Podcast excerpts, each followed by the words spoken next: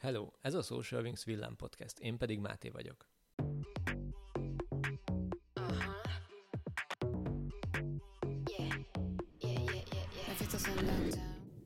2023. októberében végre itthon is elérhetővé vált, hogy a Google cégem profilon megjelenítsük a cégünknek a social media linkjeit. A Google cégem profilt angolul úgy hívjuk, hogy Google My Business, ezért, hogyha rákeresel, akkor lehetséges, hogy így fogod megtalálni a keresőben. Ha esetleg nem tudnád, hogy mi az a Google cégem profil, akkor most röviden két percben összefoglalom a lényeget. Kezdjük azzal, hogy minden cég számára alapvetés kellene, hogy legyen, hogy regisztrálva legyen egy ilyen profilja, függetlenül attól, hogy milyen szektorban mozog, milyen stratégiával működik, illetve B2B vagy B2C szolgálja ki az ügyfeleit. Mivel egy teljesen ingyenes szolgáltatásról beszélünk, ezért nem látom észszerű okát annak, hogy egy cégnek miért ne legyen ilyen profilja. Ha valaki rákeres a cég nevére vagy szolgáltatására, akkor az meg tud jelenni organikusan a keresőben, és még a Google térképen is. Még egyszer hangsúlyozom, ingyen. Ha a profil jól van beállítva, és minden információ megfelelően ki van töltve, akkor bizonyos feltételek mellett akár még a konkurensek elé is lehet kerülni az organikus találati listában. Egy ilyen jó helyezésért az organikus keresési találatok között, hát minimum vért kell izzadni a SEO szakembernek bizonyos iparágakban ahhoz, hogy, hogy akár az első oldalra is tudjon kerülni egy cég. A Google cégem profil előnye, hogy egy helyre összegyűjti a legfontosabb tudnivalókat az adott cégről, mint például a címe, telefonszáma, a weboldalának a linkje, fotók az adott termékről, vagy fizikai helyről, boltról, szalonról, az értékelések, a nyitvatartás, és így tovább. Éppen ezért a potenciális ügyfél extra rövid idő alatt nagyon-nagyon sok információt megtalálhat a cégről, anélkül, hogy tovább kéne keresgélnie az interneten. Egy érintéssel tervezhet útvonalat, indíthat telefonhívást, vagy érkezhet meg a weboldalra, illetve kaphat információkat arra vonatkozóan, hogy milyen minőségű az adott cég terméke vagy szolgáltatása.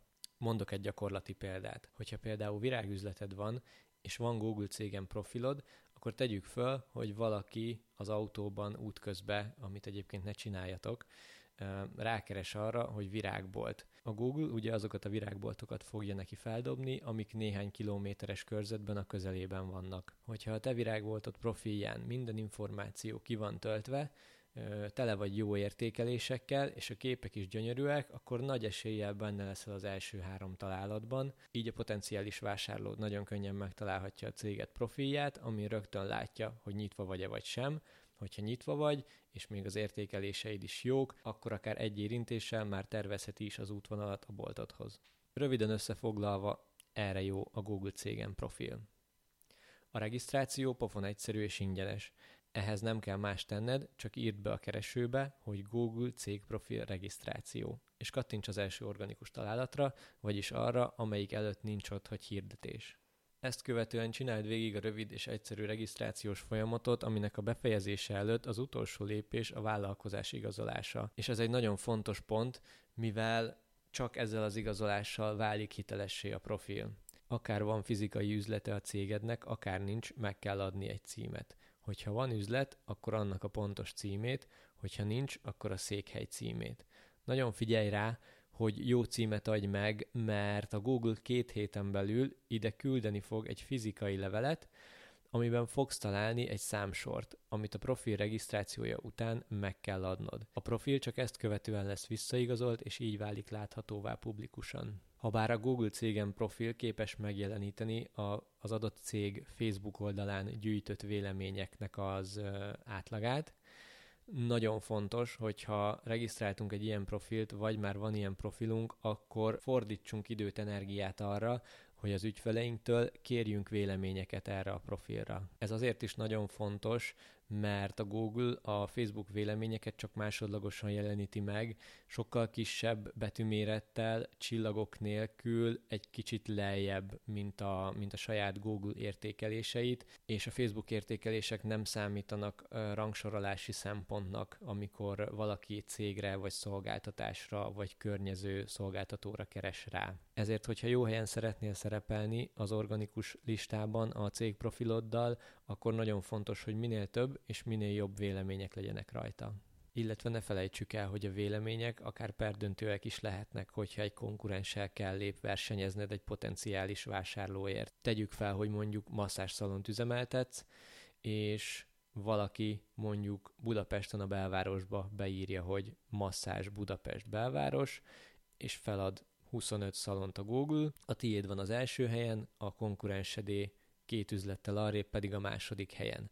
Hogyha a konkurensednek van 100 darab értékelése, ami mondjuk 4,3 csillagos, neked meg van kettő, de az csak négy csillagos, akkor szerinted, aki rákeres, az melyik helyre megy szívesebben nagyobb bizalommal, ahol több és jobb értékelések vannak, vagy oda, ahol kevesebb és rosszabb?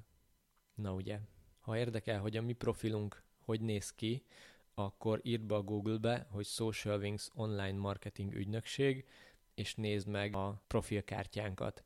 Látni fogod, hogy minden információ ki van rajta töltve, és még az is be van jelölve, hogy milyen szolgáltatási területen működünk. Ez egyébként még hasznosabb akkor, hogyha mondjuk dugulás elhárítással foglalkozik a céged, és mondjuk Budapesten csak három kerületben működsz, vagy vállalsz kiszállást, akkor be tudod jelölni, hogy a második, az első és a harmadik kerületben vállalsz munkákat, így biztos lehetsz benne, hogy aki a negyedik, tizedik vagy akármelyik másik kerületben van, az vagy nem is fogja megtalálni a profilodat, mert a Google nem dobja fel neki, vagy pedig már látni fogja, hogy oda bizony nem vállalsz kiszállást, és ezért nem is fog felhívni. És akkor most jöjjön, hogy milyen újítással jelentkezett 2023. októberében Magyarországon a Google ahogy az elején is mondtam, végre elérhetővé vált az az opció Magyarországon is, hogy be tudjuk jelölni, hogy a cégnek milyen social felületei vannak, és megadjuk ezeknek a linkjét, így a látogató eléri ezeket szintén egy kattintással. Ennek a segítségével még egy lépéssel közelebb kerülhetünk a potenciális vásárlóinkhoz, hiszen tegyük fel, hogy mondjuk valaki ránk keresett, megtalált minden információt, látja, hogy nyitva is vagyunk, de még mondjuk szeretne megnézni néhány fotót az Instagramon az üzletünkről vagy a termékről, akkor csak egy kicsit lejjebb görget, rákattint az Instagram ikonra, és már át is dobja az Instagram alkalmazásba, ahol meg tudja nézni a profilunkat. Jelenleg az alábbi hét közösségi média linket tudjuk betenni a profilba, Instagram, LinkedIn, Facebook, X vagy X, ami korábban Twitter volt, YouTube, TikTok és Pinterest. Ahhoz, hogy a közösségi média linkeket hozzá tud rendelni a cégprofilhoz, nincs más dolgod, csak nyisd meg a Google cégem kártyát a business.google.com oldalon, és a sor végén az adott cégnél kattints a kis ceruza ikonra, görges egy picit lejjebb, és a kapcsolati rész alatt meg fogod találni ezt az új szakaszt, ahol ki tudod választani, hogy melyik ö, social media linket szeretnéd megadni, ezt követően másold be ide mindegyik oldalnak a linkjét, amelyiket használod, majd mentsd el.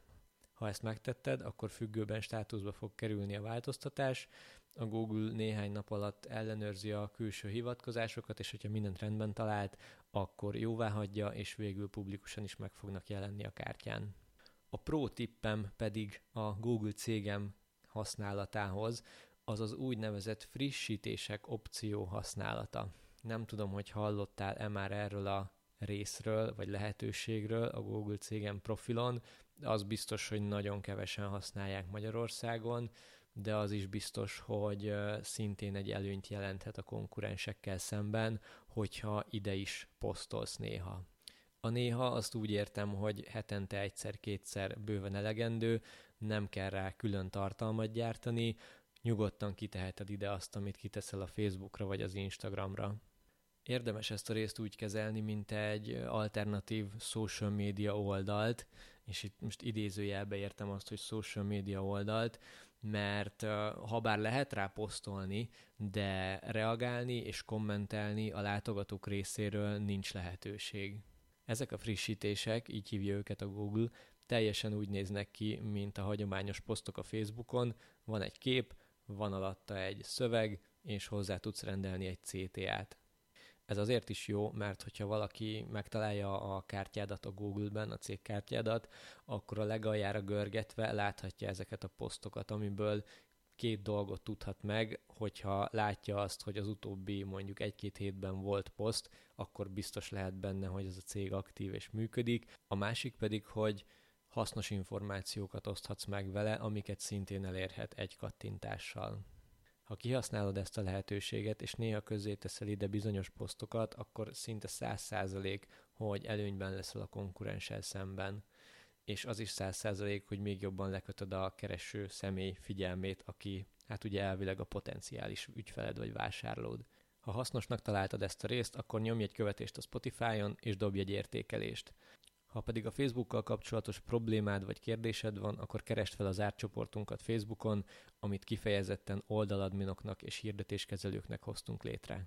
A csoport neve Facebook adminok és hirdetéskezelők közössége.